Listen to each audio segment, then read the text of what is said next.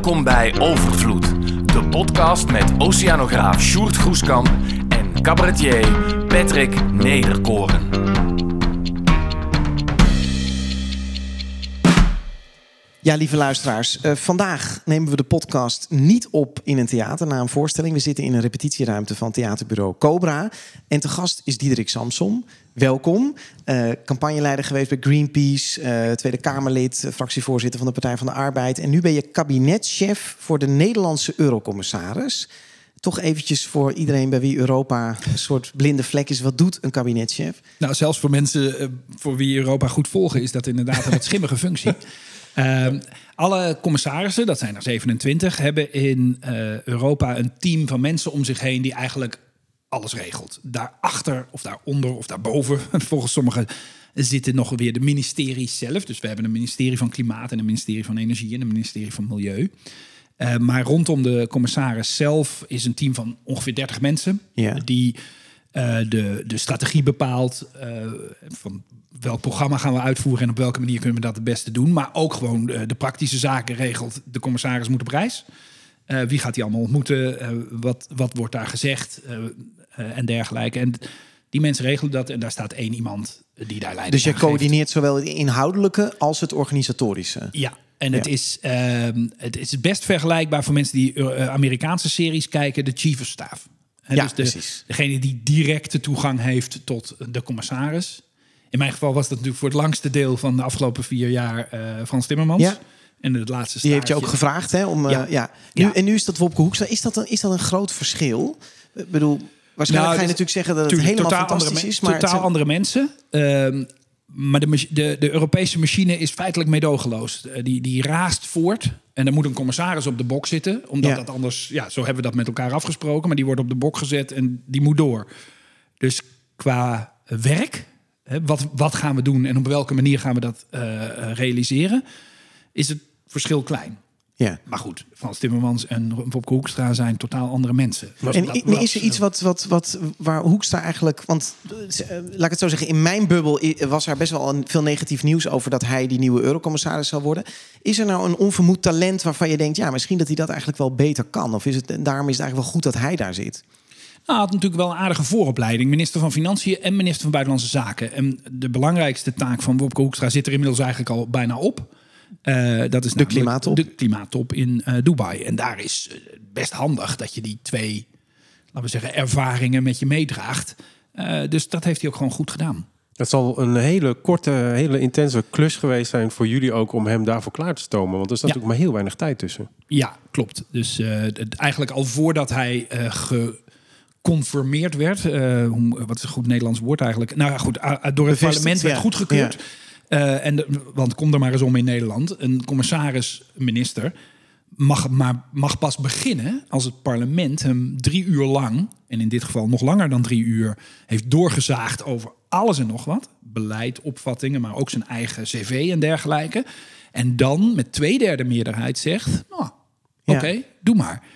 Dat moet je in Nederland eens doen. Dus eh, eh, tot zover het democratisch eh, verschil tussen Nederland en Europa. Er is overigens ook veel aan te merken hoor, op het democratisch gehalte van het Europese Maar, bestuur. maar, dit is goed. een ambtenaar is natuurlijk altijd trots als een, als een minister... of in dit geval een commissaris het goed doet.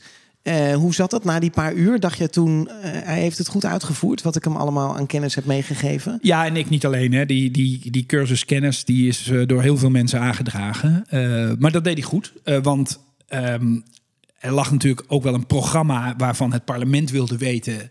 is dat nog eh, zeker? Hè? Gaan we daarmee door? En eh Hoekstra's bevestiging daarvan was kennelijk voldoende. Eh, en daar was ik blij mee, want hoe dan ook... de machine werkt echt alleen maar als er een commissaris op de bok zit. Ja. Dus wij hadden al voordat hij bevestigd werd een heel reisschema gepland voor als hij bevestigd zou worden. Dan zou hij in een vliegtuig stappen en er eigenlijk niet meer uitkomen voordat eh, de, de top in Dubai zou beginnen. Ja. De ironie is om internationale klimaatdiplomatie te bedrijven moet je echt eh frequent flyer worden, eh, on steroids. Maar goed, ehm, en daar is veel over te zeggen, maar uiteindelijk komt het erop neer: mensen moeten elkaar zien Precies. om elkaar te kunnen vertrouwen en dan afspraken te kunnen maken die dan uiteindelijk leiden tot bijvoorbeeld minder of schonere luchtvaart. Ehm, En eh, er is een parallel hè, met eh, wetenschap, want eh, wij doen heel veel klimaatwetenschap op conferenties over de hele wereld. En heel veel collega's hebben er heel veel moeite mee, maar erkennen ook dat er geen andere manier is dan dat persoonlijke contact. En ja, dat, dat is, ja, daar valt heel veel over te zeggen. in elkaar inspireren, dat doen wetenschappers meer dan politici, zou ik haast willen beweren. Dat kan echt alleen maar als je elkaar tegenkomt op manieren die je niet van tevoren op papier hebt gelegd of in een Zoom-call Ja. hebt bedacht. De koffiezetautomaat is de belangrijkste innovator in een, in een laboratorium. En dat Eh, heeft hij goed gedaan, gezegd. die, die dat- periode. Hij heeft die, die, die periode heeft hij zeer eh, fanatiek gedaan. Eh, geen onvertogen woord voor zijn, eh, van hemzelf over zijn bizarre reisschema. Ehm, en daarmee heeft hij feitelijk in, in, in een maand tijd drie maanden aan eh, diplomatie eh, bedreven. En daar, dat heeft zich deels ook gewoon uitbetaald op die top. Even eh, naar jouw carrière kijkend. Hè. Je was dus eerst politicus in Nederland. Nu ben je ambtenaar in Brussel. Dat is best wel een groot verschil. Hè. Je ziet het niet zo vaak dat politici ambtenaar worden. Nee. Ehm, waar ben je eigenlijk effectiever?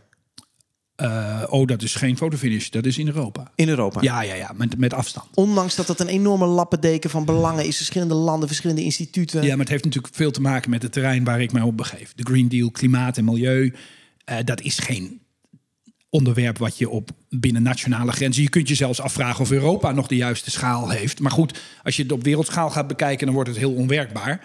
Dus ik denk zelfs dat Europa de ideale eh, schaalgrootte is, omdat het de omvang groot genoeg is om iets te kunnen doen. En klein genoeg om daadwerkelijk eh, praktisch met elkaar aan de slag te kunnen gaan. Want Dus het lukt. Dus ondanks, ondanks die 27 landen, ondanks die instituten, zeg je, ja, het is jullie natuurlijk gelukt om die Green Deal te Ja. maken. En voor mensen die dat niet weten, maar die Green Deal, dat is eigenlijk een pakket aan maatregelen om Europa in 2050 energie-neutraal te krijgen, Ehm, eh, klimaatneutraal te krijgen. En in 2030 moet geloof ik al 55% van de uitstoot Ja. ten opzichte van 1990 verminderd zijn. Dat, dat zijn enorme doelen en dat lukt dus ondanks al die landen, al die belangen en al die instituties. Ja, ja, ik zei net, het is een meedogenloze machine, Europa. Het is ook een magische machine.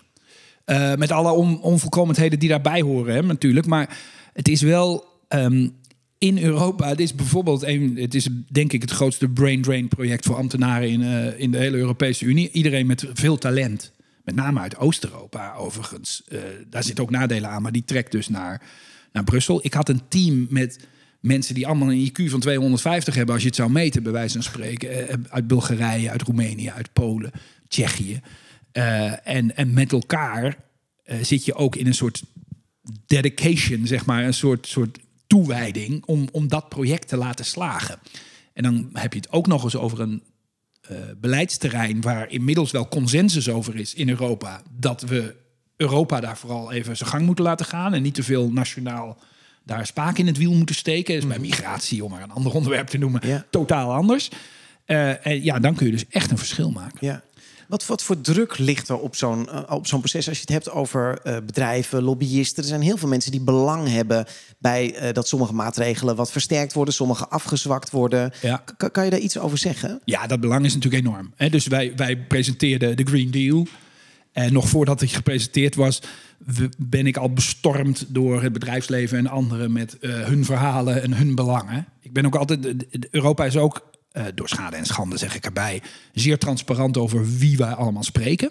Hè, dus het Transparency Register. Dus dat kan ik zien. Ik kan zien ja, wie je kunt gewoon opzoeken. Oké. eh, wat Samsung allemaal, eh, wie die allemaal aan tafel heeft gehad. Du- Dus ik kan zien wie van Shell Ja. of wie van een Ja. eh, bedrijf wat misschien juist wel wat voor, voor Ja. klimaatverandering wil doen. Ik weet niet of je beide kanten van de Ja, nee, medaille. heel- dat is heel interessant. Want, nou ja, goed, ik, eh, eh, ons team en ik dan persoonlijk waren elk jaar eh, de, de Europees kampioen bestormd worden, zeg maar. Dus de, hoeveelheid bezoeken, die, de hoeveelheid gesprekken die ik voerde, was ontelbaar. En de balans daarin werd mede door dat transpa eh, transparantieregister ook wel een beetje gestuurd. Want ik merkte zelf dat ik erop ging letten. Dat ik dacht, ja, nou heb ik wel heel veel bedrijven gesproken. Misschien moet ik nou eens even de andere kant eh, inle- Dat, doe je misschien gevoelsmatig al een beetje. Maar nu had ik ook echt een lijstje om. En er zijn ook genoeg NGO's, Transparency International, om maar eentje te noemen, die daar ook gewoon dat publiceren. En terecht. Het is een hele goede disciplinerende eh, werking. Mensen vinden het ook wel eens vervelend, hè? want oh god, dan ziet iedereen wie je bespreekt. Maar ja, eh, het is een democratie, dus je moet verantwoording afleggen. En al die bedrijven hebben dus, dat, hebben dus een belang. Maar het interessante aan bedrijven is dat ze natuurlijk ook de opportunisme zelf zijn. Eh, en zodra jij kan laten zien of geloofwaardig kan maken dat het je menens is met deze transitie, dan denken ze ja, verrek, nou dan ga ik er mijn geld aan verdienen ook. Dus Ja, je zag dat heel sterk bij de auto-industrie. Toch de grootste, een van de grootste industrieën van Europa. Liep een beetje achter in Europa, toch? Je- Enorm. ja. Enorm. Hebben natuurlijk ook zichzelf vol in de voet geschoten met, eh, als we het nog herinneren, Dieselgate. Ja, Dus- precies. nou, fijn. Dus de, de strategie van de Europese, met name Duitse auto-industrie was... eh, de elektrische auto's, dat is om een onzinverhaal. Wij gaan de auto's schoonmaken door de dieselauto. Helemaal, hè, die is heel zuinig. En dan maken we hem ook nog heel schoon. Nou, helemaal top. Nou, dat liep dus totaal anders. Ehm, deels omdat die technologie gewoon vies is. En dan gingen ze hem ook nog vals verkopen.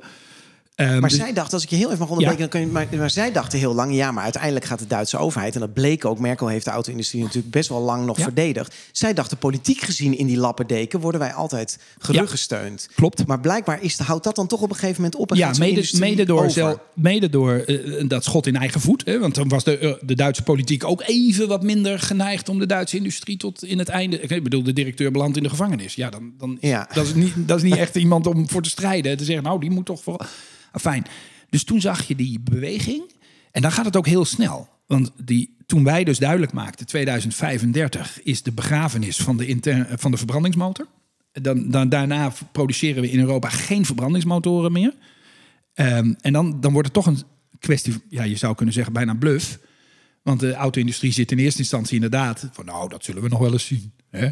Ja, Maar als dan duidelijk wordt, als het hen duidelijk wordt dat dit echt gaat gebeuren, ja, dan gaan ze ook om. En ik kan je verzekeren, doordat wij dus hebben afgesproken, 2035 is de laatste verbrandingsmotor die eh, van de band rolt, zal dat veel eerder gebeuren. Maar, Want waarom je- zouden ze nog doorgaan met die failliete technologie tot 2035?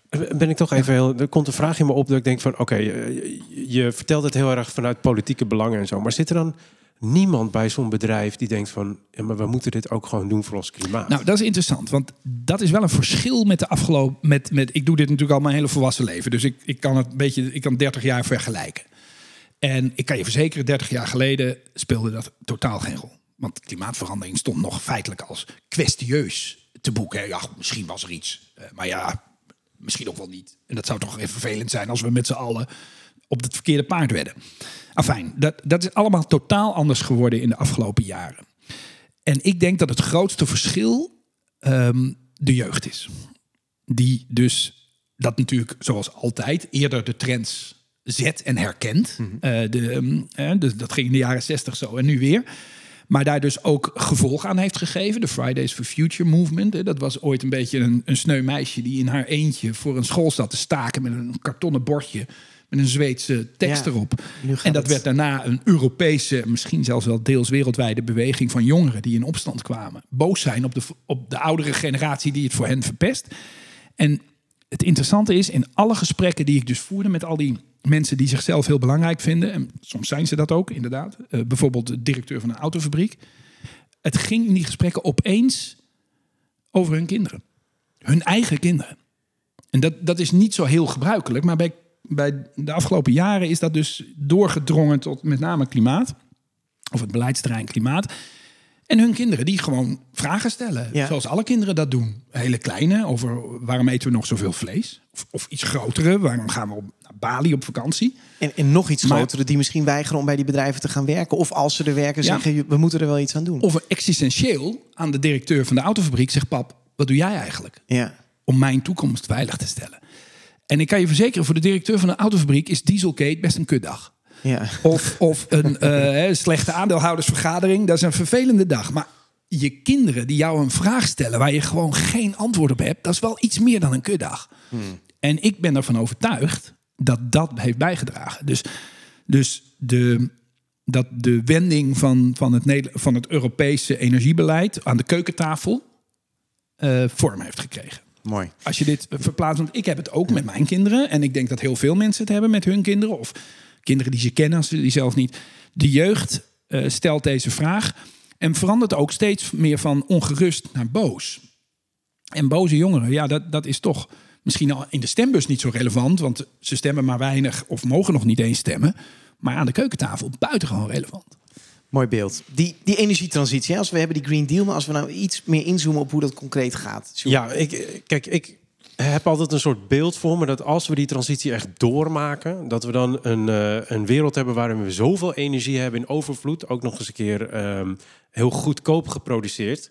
Eh, dat het ook bijvoorbeeld een, eh, een nieuwe revolutie van allerlei dingen teweeg kan brengen. Dus je hebt eigenlijk een, een prachtige wereld voor ons die eh, gezonder, goedkoper, duurzamer is, mooiere natuur, eigenlijk beter voor iedereen.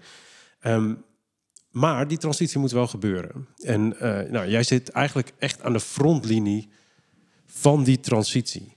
Ehm, dus ik, om te beginnen heb ik daar eigenlijk twee vragen over. Namelijk, eh, zie jij dat ook zo? Dat, dat dit eigenlijk het eindpunt is, of een, een, in ieder geval een eh, vergezicht is waar we heen kunnen, eh, liefst niet te ver. En of denk je juist dat we moeten krimpen, dat er geen overvloed is? Ehm, ik had dat ook heel lang, hè, dat verhaal. Dat heb ik altijd bij me gedragen. Van jongens, als we hier maar doorheen komen, door de zure appel heen, over de heuvel, wat voor metafoor je ook wil Ja. gebruiken, nou, dan is daarna het land van melk en honing. De, de, want energie is dan zo goedkoop. De zon levert ons per dag meer dan we in tien jaar kunnen opmaken. Nou, je kent die, die, iedereen kent die vergelijking. precies. Dus geen enkele reden om wanhopig te worden. Maar om eerlijk te zijn, op een gegeven moment werd ik wel echt een beetje wanhopig. En dan, dan op een gegeven moment bedoel ik zo'n beetje rond 2010. eh, toen mislukte ook die klimaatconferentie in Kopenhagen op een spectaculaire wijze. Ja. En er ging van alles mis. Zonne-energie werd in dat jaar duurder dan het jaar daarvoor. Nou ja, het moest heel snel goedkoper worden. Dus duurder was wel heel erg de verkeerde kant op.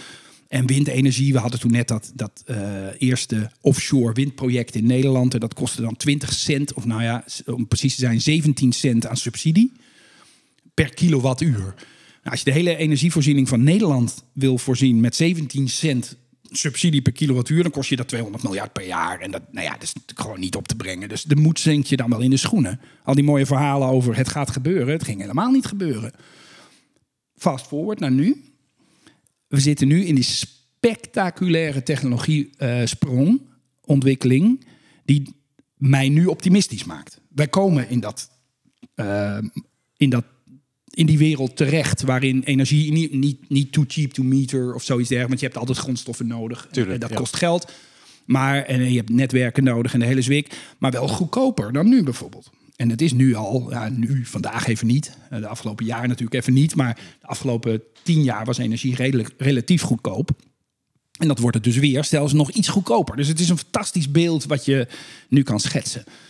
Ehm, maar het is wel heel laat geworden. Met die, hè. Het is weer die Ja. typische eigenschap van de mensheid om, om op de muur af te racen. En dan net voordat ze te pletter slaat, iets te verzinnen om eroverheen te komen. En Malthus voorspelde al dat we aan de hongersnood zouden sterven. Want er was gewoon niet genoeg stikstof in de grond om eh, meer dan 2 miljard mensen te voeden. dat we het wel gaan. Dus, dus als we weten dat we een geschiedenis hebben van eigenlijk te optimistisch dingen inschatten. Nou ja, onze geschiedenis, we zijn er nog. Eh, blijkt dus dat we elke keer net op tijd. Eh, Iets alleen, iets ja, alleen de muur is nu wel hoger en de snelheid waarmee we erop afrazen is groter. Dus het wordt wel, we maken het wel heel spannend met z'n allen. Dus ik snap wel dat er inmiddels, en die, die beweging groeit ook, een soort i- iets is van ja, laten we dan maar ophouden met groeien. Want ehm, ik heb dat ook heel lang, aan, heel lang aangehangen. Ik was lang een degrowther, zoals dat heet. Ehm, maar ik ben daarvan afgestapt. Eh, deels uit optimistische redenen.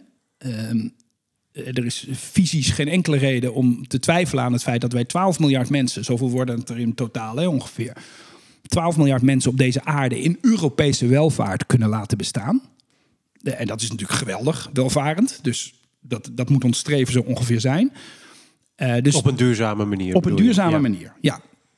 Ja, er is één, eh, één aspect wat daarbij wel nu eh, heel belangrijk is. A, los van die energievoorziening, is ons dieet. Dus als we allemaal zeker. dierlijke eiwitten blijven eten, dan wordt dat wel een heel ingewikkeld eh, fenomeen. Maar goed, dat even eh terzijde. Maar er is nog iets ehm, met degrowth. Kijk, wij staan allemaal elke dag op met de ambitie om het vandaag iets beter te doen dan gisteren. Jullie ook.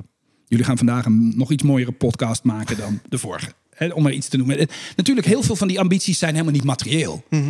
Maar heel veel ook wel. Ja. Of ze vertalen zich toch in materie. Ik heb mij van, vandaag hierheen verplaatst om, om jullie nog iets mooiere podcast te maken. En jullie ook trouwens. Eh, dat zijn allemaal maar hele kleine dingen. Hè? Maar dat zijn wel 7 miljard mensen die elke ochtend opstaan met de ambitie om het vandaag iets beter te doen dan gisteren. En dat heet groei. Dat is de essentie van waar mensen voor, door worden voortgedreven. Dus als je dat wil stoppen, dan, dan, dan stop je feitelijk de essentie van ons bestaan.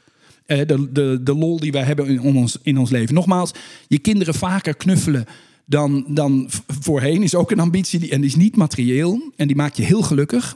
Maar het feit dat je kinderen hebt en er nog eentje bij wil. En heel veel mensen willen dat. En om goede redenen overigens. Ja, dat maakt, dat, Dus- dat maakt de economische groei. Dus dat terugdringen, dat gaat niet gebeuren. En zeg ik er dus optimistisch bij, het hoeft ook niet. We kunnen duurzaam met 12 miljard mensen op dit ruimteschip, wat planeet Aarde heet, door, de, door het heelal vliegen en, ons, eh, en, en de planeet niet opmaken. Is dit dan ook niet eh, de boodschap die we eigenlijk zouden moeten uitdragen? Ja, Eh, want ik hoor dit veel te weinig eigenlijk. Ja, maar goed, er waren ook wel lang redenen om te twijfelen aan dat optimisme. Eh, en nu hebben we natuurlijk wel, wat ik al zei, we zijn zo laat begonnen met die transitie. En er moet nog veel in die transitie, dus ik neem wel een voorschot op, op optimisme. Die zonnepanelencurve die is spectaculair, die had nooit iemand voorspeld. Dat is echt fantastisch. Maar het is geen garantie dat de volgende curve, die gaat over batterijen, eh, of over electrolyzers, om waterstof te maken. Dus de essentiële technologieën die wij nog nodig hebben om ons energiesysteem geheel duurzaam te maken.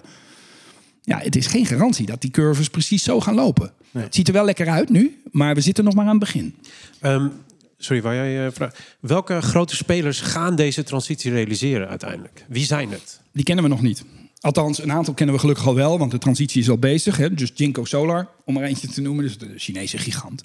Vestas, eh, de, windgigant uit Denemarken. Paar. Het zijn dus allemaal nieuwe spelers eh, die opstaan. Dat is ook logisch. Uh, ik heb ook lange tijd gedacht, uh, de oliebedrijven zijn eigenlijk energiebedrijven. Die stappen uit de olie, gebruiken hun geweldige kapitaal en hun, hun enorme kennis. En hun, zou ja, mooi zijn, hè? Hun wereldwijde macht en dergelijke. Maar goed, Ja. toen het vliegtuig werd uitgevonden, gingen de stoomschipmaatschappijen ook niet vliegen. De stoomschipmaatschappijen gingen failliet. Uh, ja, behalve de Holland-Amerika-lijn, omdat ze nu cruises uh, organiseren. Maar, dus er zijn nieuwe, nieuwe bedrijven gekomen die dat gaan doen. Dat, dat zul je hier ook zien. Maar de, en dus niet zoals bijvoorbeeld met de zonnepanelen een overheid, zoals Duitsland in dat geval, die dat heel erg gedreven heeft. Jawel, Je noemt nu echt bedrijven. Nee, uh, ja, maar die, want die voeren het uiteindelijk uit. Maar de, de kracht die dat voortduwt, die het mogelijk maakt dat het überhaupt gebeurt, is deels, en ik durf te zeggen grotendeels, een publieke kracht. De, hè, dus de, de wil om deze verandering in te zetten is publiek geboren. Bedrijven, ik zei het al, zijn opportunisten. Dus als de publieke wil om dat te doen Mhm. groot genoeg is, dan denken ze, nou, dan kan ik er dus geld aan verdienen, gaan we dat met z'n allen doen. En zijn mensen ook opportunisten eigenlijk? Dus, dus Ja. individuen in de zin van, ga ik ook pas echt duurzamer leven als het voor mij aantrekkelijker is, in plaats van dat ideële? Nou, ik, ik, wij hebben natuurlijk, dat onderscheidt ons toch van, van andere diersoorten. Uh, wij hebben het vermogen om buiten ons eigen belang te opereren. Dat hebben we gelukkig al een tijdje laten zien. Uh, je zult meer dan twintig eeuwen. Uh, met, met hinderlijke onderbrekingen waarin dat totaal misging, uiteraard. Maar dat kan dus. Dus ik geloof wel dat mensen, en dat moet ook een beetje. Um, we hoeven echt niet terug naar dat hol en gras eten en dat soort dingen. Nee, ik zei al, Europese welvaart is voor 12 miljard mensen op aarde beschikbaar. Um, maar om een voorbeeld te geven wat ik net al noemde, uh, ons dieet. Ja, het zou, het zou een hoop helpen om die transitie mogelijk te maken als ja. wij een ander dieet uh, zouden uh, aannemen. En ja, dat vereist verandering. Ja. dus het is over niet zo heel ver weg, dat dieet. Want het wordt al gegeten door de West-Europese jeugd. Ja. Precies, dus die doet het al. Daar zijn ook verdomd, weer de... Ja, ik zeg het wel, ja, dus op, aard, ja. op planetaire schaal wel een verdomd klein groepje hoor. Uh, dus het is nog lang niet voldoende. En er zijn nog heel veel grote groepen die juist de verkeerde curve doormaken. Namelijk meer vlees gaan eten. Want welvaart en vlees eten horen bij elkaar. India, China, Afrika straks. Dus daar moeten we nog iets aan doen. Dus er is nog, ach, er is nog zoveel te doen. en er is op geen enkele manier de garantie dat het allemaal lukt. Maar het kan wel. Nog een korte vraag hierover, over de transitie, voordat we verder kunnen. Um, waar denk je dat dit gerealiseerd wordt? Bijvoorbeeld neem Europa. Denk je dat je binnen Europa uh, uh, zo kan regelen met de windmolens, met de zonneparken, dat we binnen Europa altijd overal elektriciteit hebben, zonder dipjes en dat soort dingen? Ja, ja absoluut. Dat, dat kan. Uh, we hebben daarvoor wel energie van buiten nodig. Dus het zij Noord-Afrika en dan met een kabel. Het zij iets verder weg en dan met een pijplijn of zelfs een schip. Want we wonen in Europa natuurlijk met te veel mensen op een te kleine oppervlakte in een te grote welvaart. Om echt onszelf helemaal autarkisch uh, van alles te voorzien. het is ook helemaal niks mis om dingen van buiten te halen. Van, van, vanuit regio's waar veel minder mensen wonen en waar veel meer grondstoffen of energie beschikbaar is. Als je dat maar goed met elkaar afspreekt. Sterker nog, als je het goed met elkaar afspreekt, schiet je minder op elkaar en praat je meer met elkaar. Zeker, ja. Oké, tof. Als, als we het hebben over die, die, die snelheid. hè. Kijk, jij zei al van 30 jaar geleden werkte je bij, eh, bij Greenpeace. Toen was er inhoudelijk al heel veel bekend over klimaatverandering. We zijn nu 30 jaar verder. Inmiddels gaan we waarschijnlijk niet meer onder die anderhalve graden opwarming blijven. Nee. Eh, bij elke klimaat, of nee, zelfs zeg jij, Sjoerd, elke klimaattop eh, gebeurt er wel iets, maar voldoet het eigenlijk nooit aan de verwachtingen van de mensen die er echt volledig in zitten. Nou, kijk, de klimaattoppen hebben het allerergste voorkomen. We gaan niet meer op 5 graden af.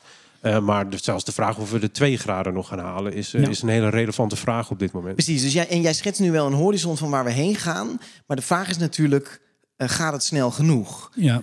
Eh, en zeker in relatie tot de andere vraag, is er voldoende draagvlak? Hè? En we, we hebben, we hebben natuurlijk een, een democratisch proces. Ik ben heel erg benieuwd hoe jij daarnaar kijkt. Aan de ene kant wil je waarschijnlijk snel, je bent er al 30 jaar mee bezig. Zie je dat het eigenlijk te langzaam gaat.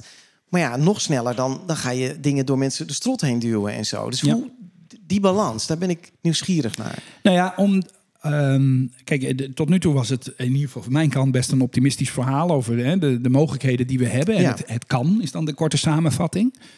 Eh, maar ik zei al, eh, als winstwaarschuwing, we zijn wel heel laat begonnen. En de- het klimaat is de andere factor in, in dit verhaal. En we zien.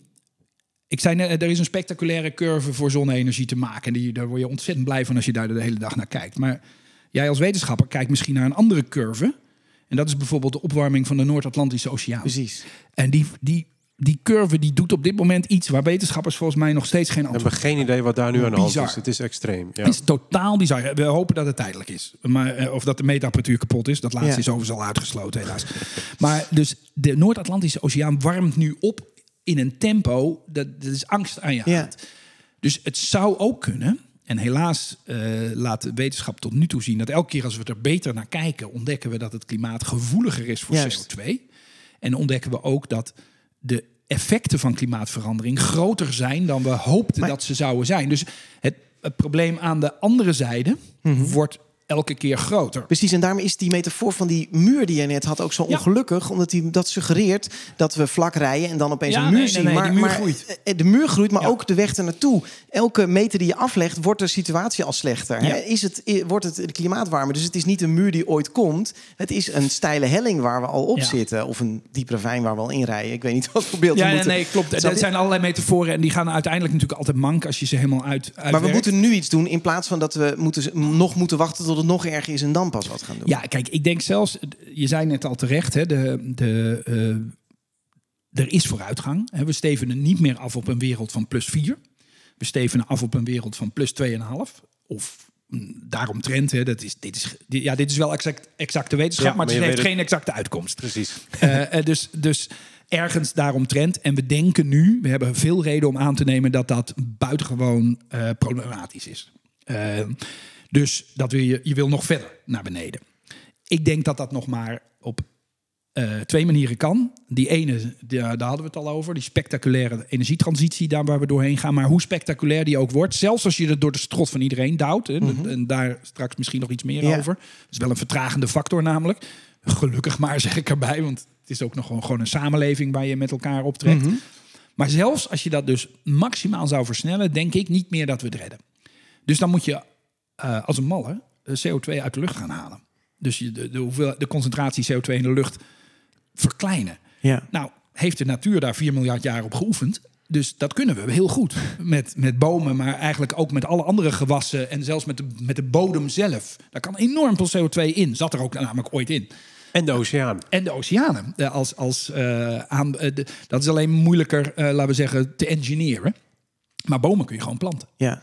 En eh, er is al wel eens uitgerekend, als je daar 6 miljard plant, dan, dan ben je voor Europa eh, goed bezig. En dan heb je Europa, eh, het Europese deel van de, van, van de opdracht voldaan. Voldaan. Moet je daar 20 miljard planten, dan ben je een, heel, een hele wereld verder. Als je het hebt over 20 miljard, heb je het natuurlijk wel over een, een stuk land van Mali, Niger, Tjaad, Soudaan en nog een stuk van Saoedi-Arabië erbij.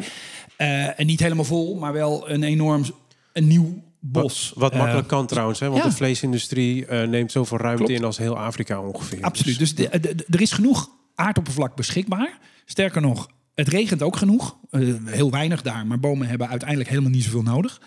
Ehm, en als je een goed bos weet te planten, creëert het ook zijn eigen betere klimaat en meer vochtigheid. Enfin, dit kan dus ook. Dus Ja. ik denk zelf dat wat we de komende tijd gaan zien is naast die enorme eh, vlucht van eh, technologie, harde technologie, zonnepanelen en windmolens, ook een, een nieuw project, eh, wat je zachte technologie zou kunnen noemen, natuurherstel. Ja.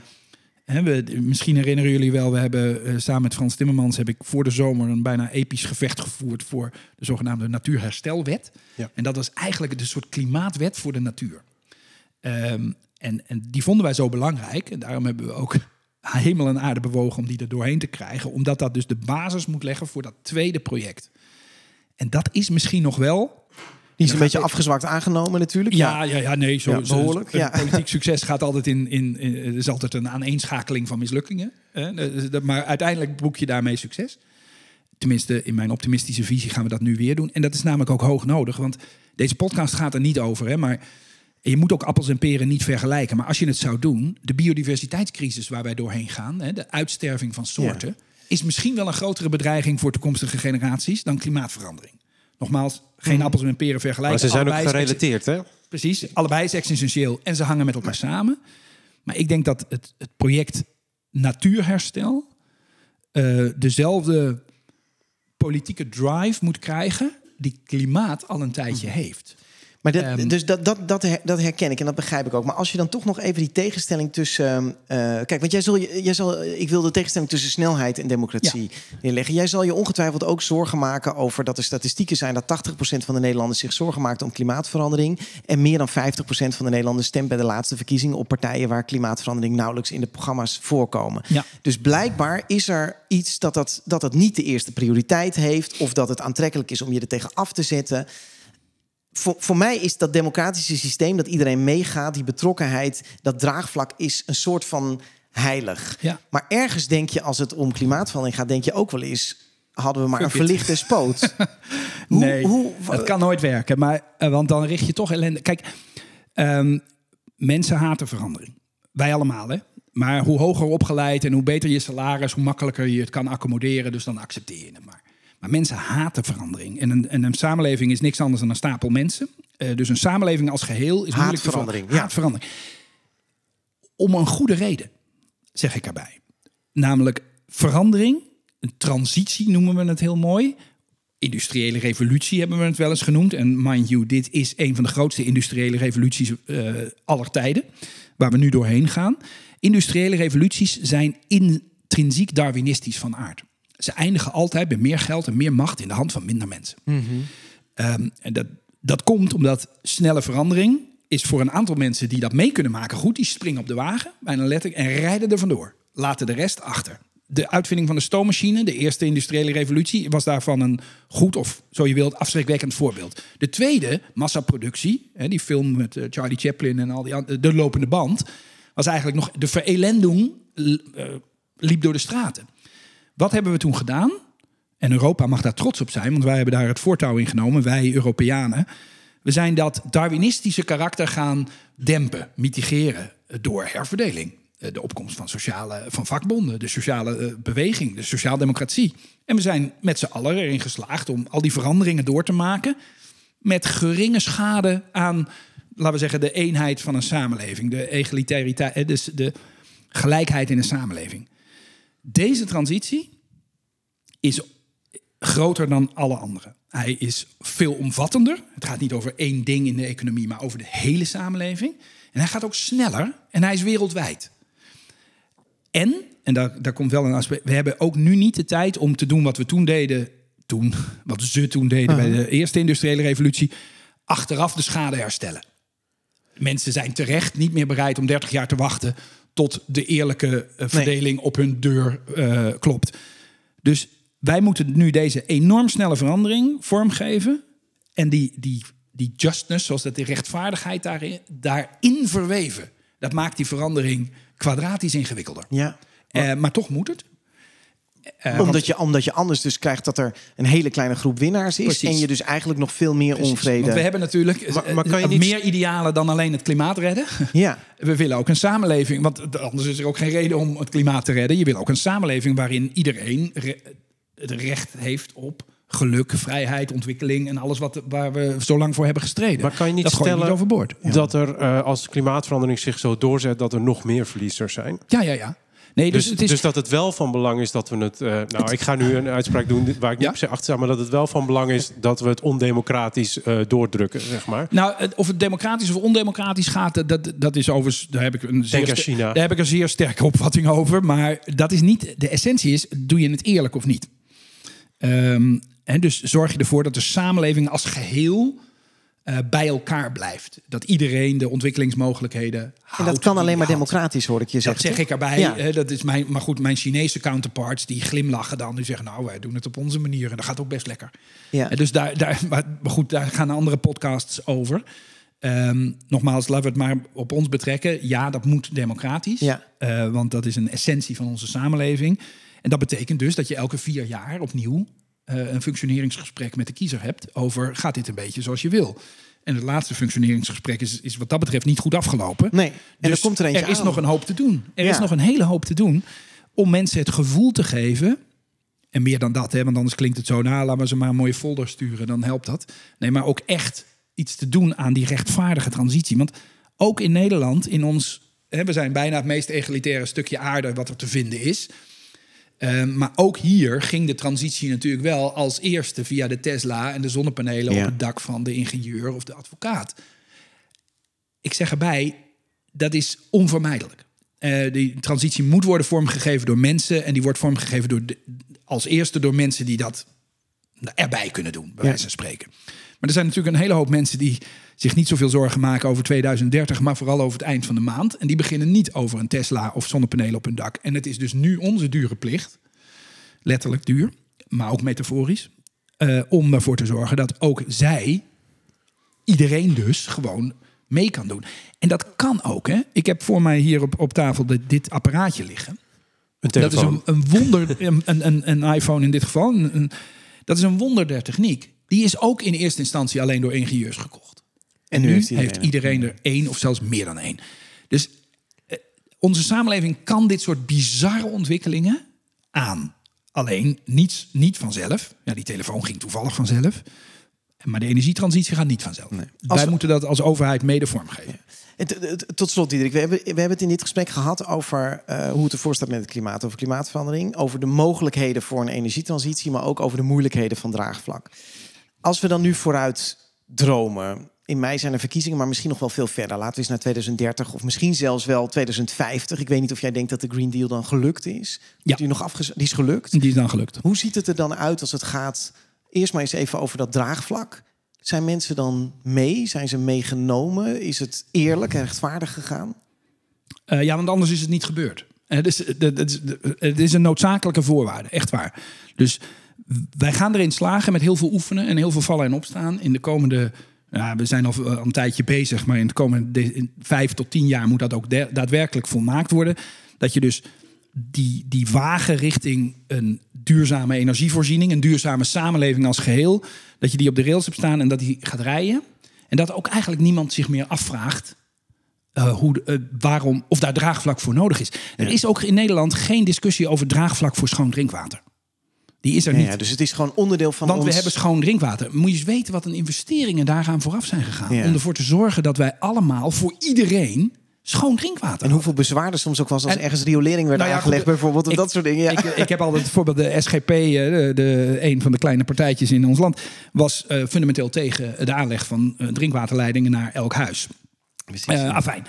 De- de- Maar jij, jij zegt een termijn van vijf tot tien jaar. Dat is wat, wat jij vanuit jouw positie meer echt tijd hebben we gelooft niet. Dat ook gaat lukken. Ja, want we zijn best, ik zei al, er zijn redenen om optimistisch te zijn. Ja. Ehm, dus de, de, de, technologie, de technologie zelf helpt nu. Eindelijk zeg ik er een beetje bij, verzuchtend, maar goed, beter dan nooit. De samenleving zelf wordt er, ik had het al over onze jeugd. Het enige Ja. wat hoeft te gebeuren is dat die allemaal ouder worden en nog meer macht krijgen en niet veranderen. Eh, dat laatste is dan wel een goede voorwaarde. Ja. En dan houden de huidige babyboomers op te bestaan. En dan eh, met een nieuw met een, een nieuw elan eh, kan die samenleving dat ook gewoon aan. Eh, en dan moet het overheidsbeleid, en dat is misschien wel eh, een van de moeizame factoren, moet dan ook geschoeid. En, en overheidsbeleid is onbeholpen. Niet zo vaak, bijna nooit door slechte wil, maar vooral omdat het gewoon hondsmoeilijk is om voor zo'n complexe samenleving als we hebben in Europa, maar ook in Nederland, om dingen goed te organiseren. Dat gaat heel vaak mis. Nou, dat zien we natuurlijk. En er wordt dan heel erg op gemopperd. En dat, dat mag en dat moet ook, want dan probeer je het nog beter te doen en nog minder fouten te maken. Maar man, het is buitengewoon lastig. Dus daar ben ik nog helemaal niet zeker van dat we dat gaan redden. Maar ik zei al, eh, er is geen alternatief dan optimistisch daarover zijn, want er is geen ander scenario. En zelfs die vlekkeloze, nou ja, niet helemaal vlekkeloze lucht die je nu beschrijft, waar natuurlijk toch die hele donkere wolk hangt van partijen die zich afkeren tegen klimaatverandering of er niks tegen wilden doen. Ja, maar de ironie van, van bijvoorbeeld hè, de huidige eh, politieke discours in Nederland was een beetje al dat geld naar klimaatverandering, laten we dat spenderen aan de zorg. Hè. Ja.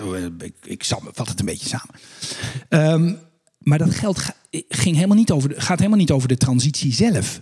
Die transitie gebeurt. Ja, ja. Dat geld was bestemd, is bestemd om ervoor te zorgen dat die transitie door iedereen meegemaakt kan worden. Dat er banen zijn voor degenen die nu nog in de oliesector werken. Daar is geld voor nodig. Dat woningbouwcorporaties huizen kunnen isoleren zonder de huur te verhogen. Daar is geld voor nodig. Al dat geld, ja, daar kun je retorisch van zeggen: oh, dat moet allemaal klimaatgeld, moeten we afstand van nemen. Maar iedereen die er twee keer naar kijkt, komt tot de conclusie dat je dat heel hard nodig hebt. Ook die rechts, of juist die rechtse partijen die zeggen op te komen voor de. Dus, Dus, dus eigenlijk zeg je, man. zelfs als die partijen groter worden, zal blijken dat ze uiteindelijk deze trein gaat gewoon die kant op. Dat is, en dat, is nu, dat is de situatie waarin we nu zitten. Die transitietrein die gaat als een razende voort. Letterlijk bijna. En de opdracht die wij hebben is om ervoor te zorgen dat dat enorme gevaarte geen schade aanricht in een samenleving. En als je hem gewoon laat gaan, richt hij enorm veel schade aan. Dus ik denk dat het in ieders belang is, rechts of links, om dit te laten landen op een manier die de samenleving als geheel het, het meest comfortabel vindt. Hey, laatste vraag. Er zijn verkiezingen in 2024 voor het Europees Parlement. Dan komt er ook weer een nieuwe eurocommissaris. Wat ga je doen? Oh, dat weet ik nog niet. Blijf je automatisch? Of? Nee, nee, nee, nee, nee. Ik denk, ik weet ook, ik denk zelfs dat ik de rit niet helemaal uitmaak. Maar dat heeft alles te maken met het feit dat het laatste half jaar van een eh, commissie, een Europese commissie, is een beetje een deplorabel eh, tijd. En, en zeker bij, bij Hoekstra, die eigenlijk die klimaattop al geweest is. Dus dit is Nou ja, maar het geldt voor alle 27 commissarissen hoor. Want het, het- op een gegeven moment gaat het parlement, en dat is eigenlijk al over een maand, gaat het parlement op verkiezingsreces. En dan zegt het parlement: wij willen geen beleid meer van u ontvangen. En dan zit je dus te kijken naar jezelf en naar je bureau. En dan denk je, ja, wat zit ik hier nou nog te doen? Eh, en ik ben toch altijd in mijn hele leven op zoek geweest naar de plek om het meeste verschil te maken. En je maakt niet heel veel verschil in het laatste half jaar van een mandaat van een commissie, zoals dat heet. Dus misschien ga ik wel op zoek naar iets anders. het theater in. Je weet nooit. Dankjewel.